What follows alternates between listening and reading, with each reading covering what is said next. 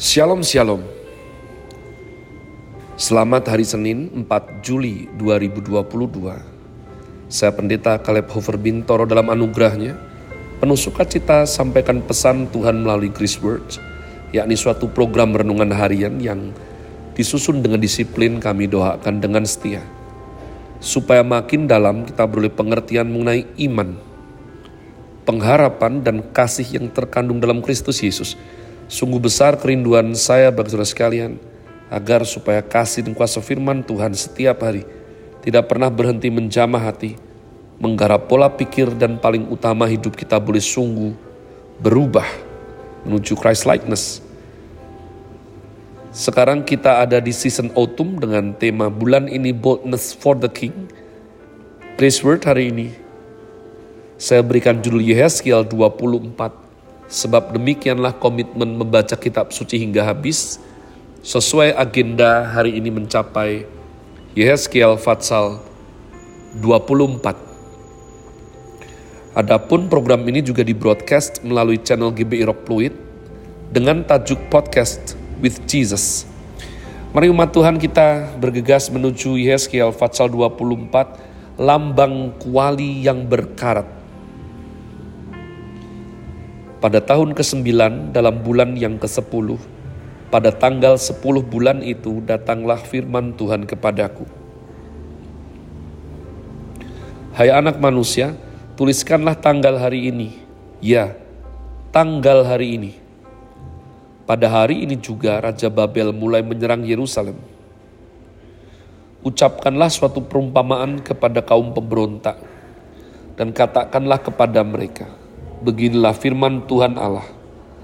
Taruhlah kuali di atas api. Taruhlah dan tuanglah juga air ke dalamnya. Taruhlah potongan daging di dalamnya, semua potongan yang baik, paha dan punggungnya, penuhilah itu dengan tulang-tulang pilihan.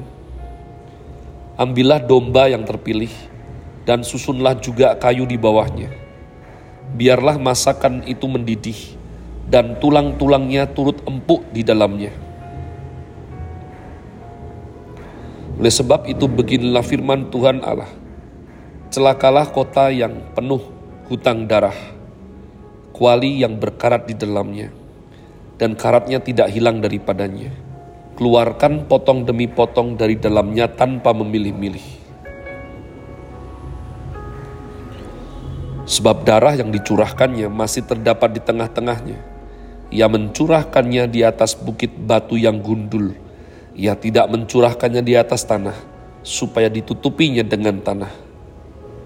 Demi amarah yang timbul dan rasa pembalasan yang bangkit, aku akan mencurahkan darahnya sendiri ke atas bukit batu yang gundul supaya jangan ditutupi.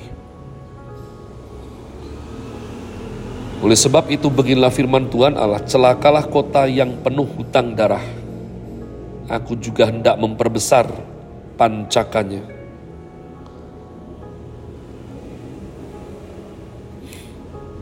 Susunlah banyak kayu, nyalakanlah api, biarlah dagingnya masak betul. Buanglah kuahnya, dan biarlah tulang-tulangnya hangus.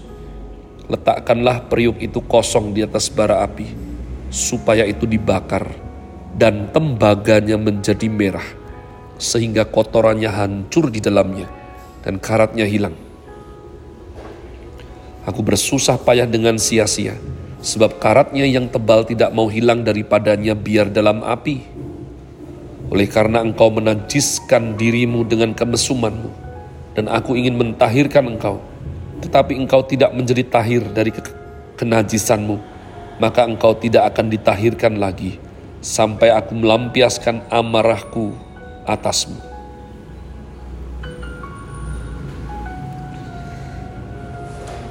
Aku Tuhan yang mengatakannya. Hal itu akan datang dan aku yang akan membuatnya.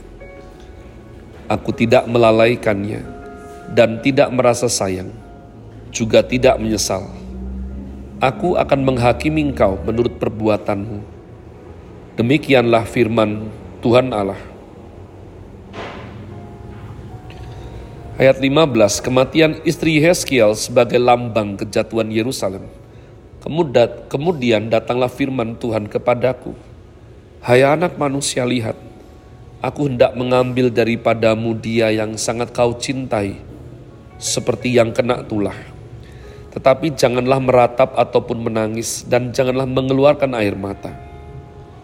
Diam-diam saja mengeluh, jangan mengadakan ratapan kematian. Lilitkanlah destarmu dan pakailah kasutmu Jangan tutupi mukamu dan jangan makan roti perkabungan.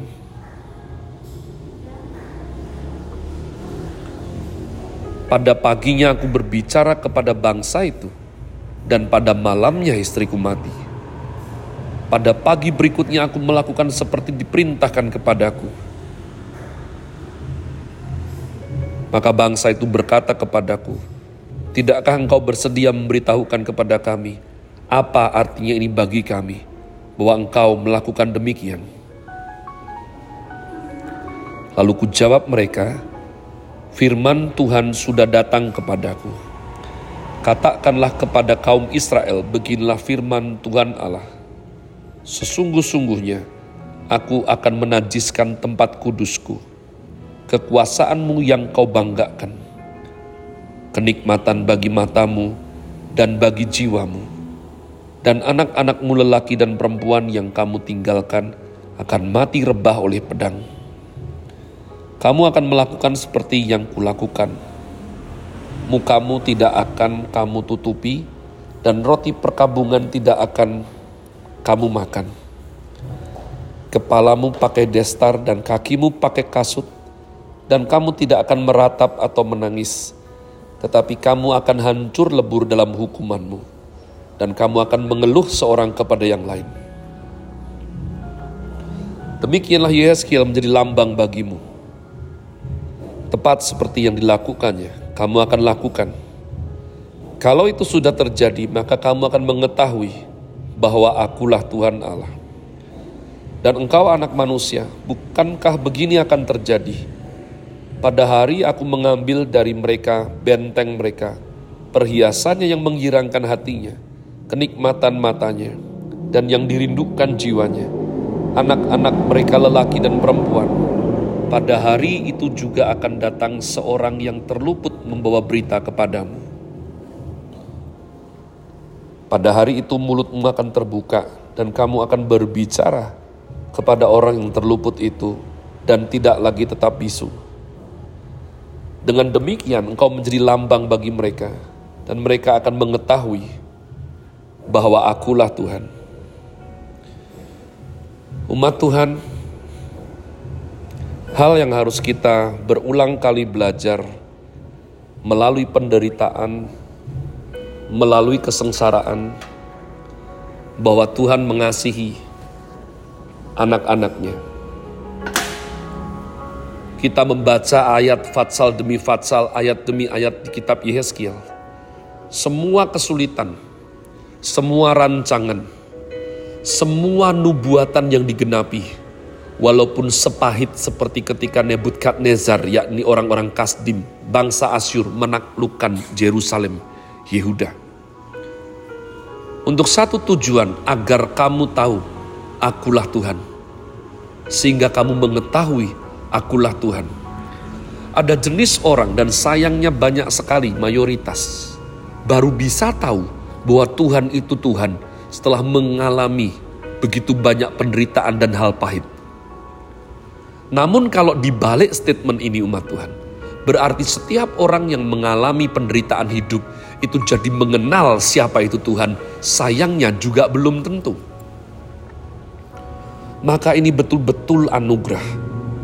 Ada alasan kenapa kita disebut umat pilihan karena kalau bukan umat pilihan, walaupun sudah mengalami berbagai macam musibah, penderitaan sengsara, tetap juga belum kenal siapa itu Tuhan.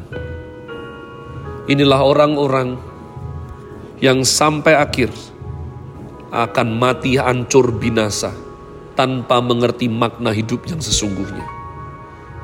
Hari ini saya berseru umat Allah. Jika engkau dengar suaranya, jika engkau ditegur Tuhan entah melalui mungkin keluarga, mungkin orang tua, Kalau engkau orang tua, mungkin Tuhan pakai anakmu justru untuk mengingatkan betapa engkau sudah jauh dari Tuhan. Betapa engkau terlalu sibuk mengejar keduniawian. Curigalah bahwa itu cinta kasih daripada Tuhan kita.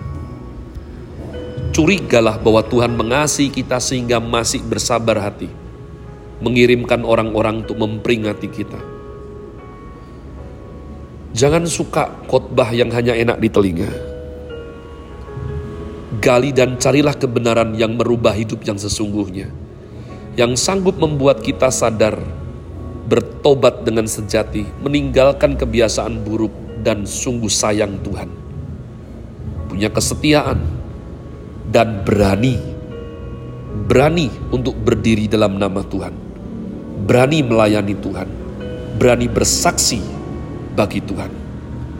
Saya berdoa roh Tuhan Allah ada atasmu, sehingga engkau tidak terombang-ambingkan, tidak disesatkan, dan engkau murni sungguh mengenal Tuhan dengan dalam dan benar.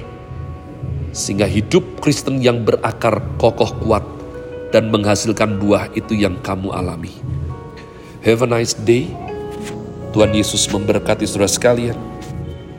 Sola. Grazie.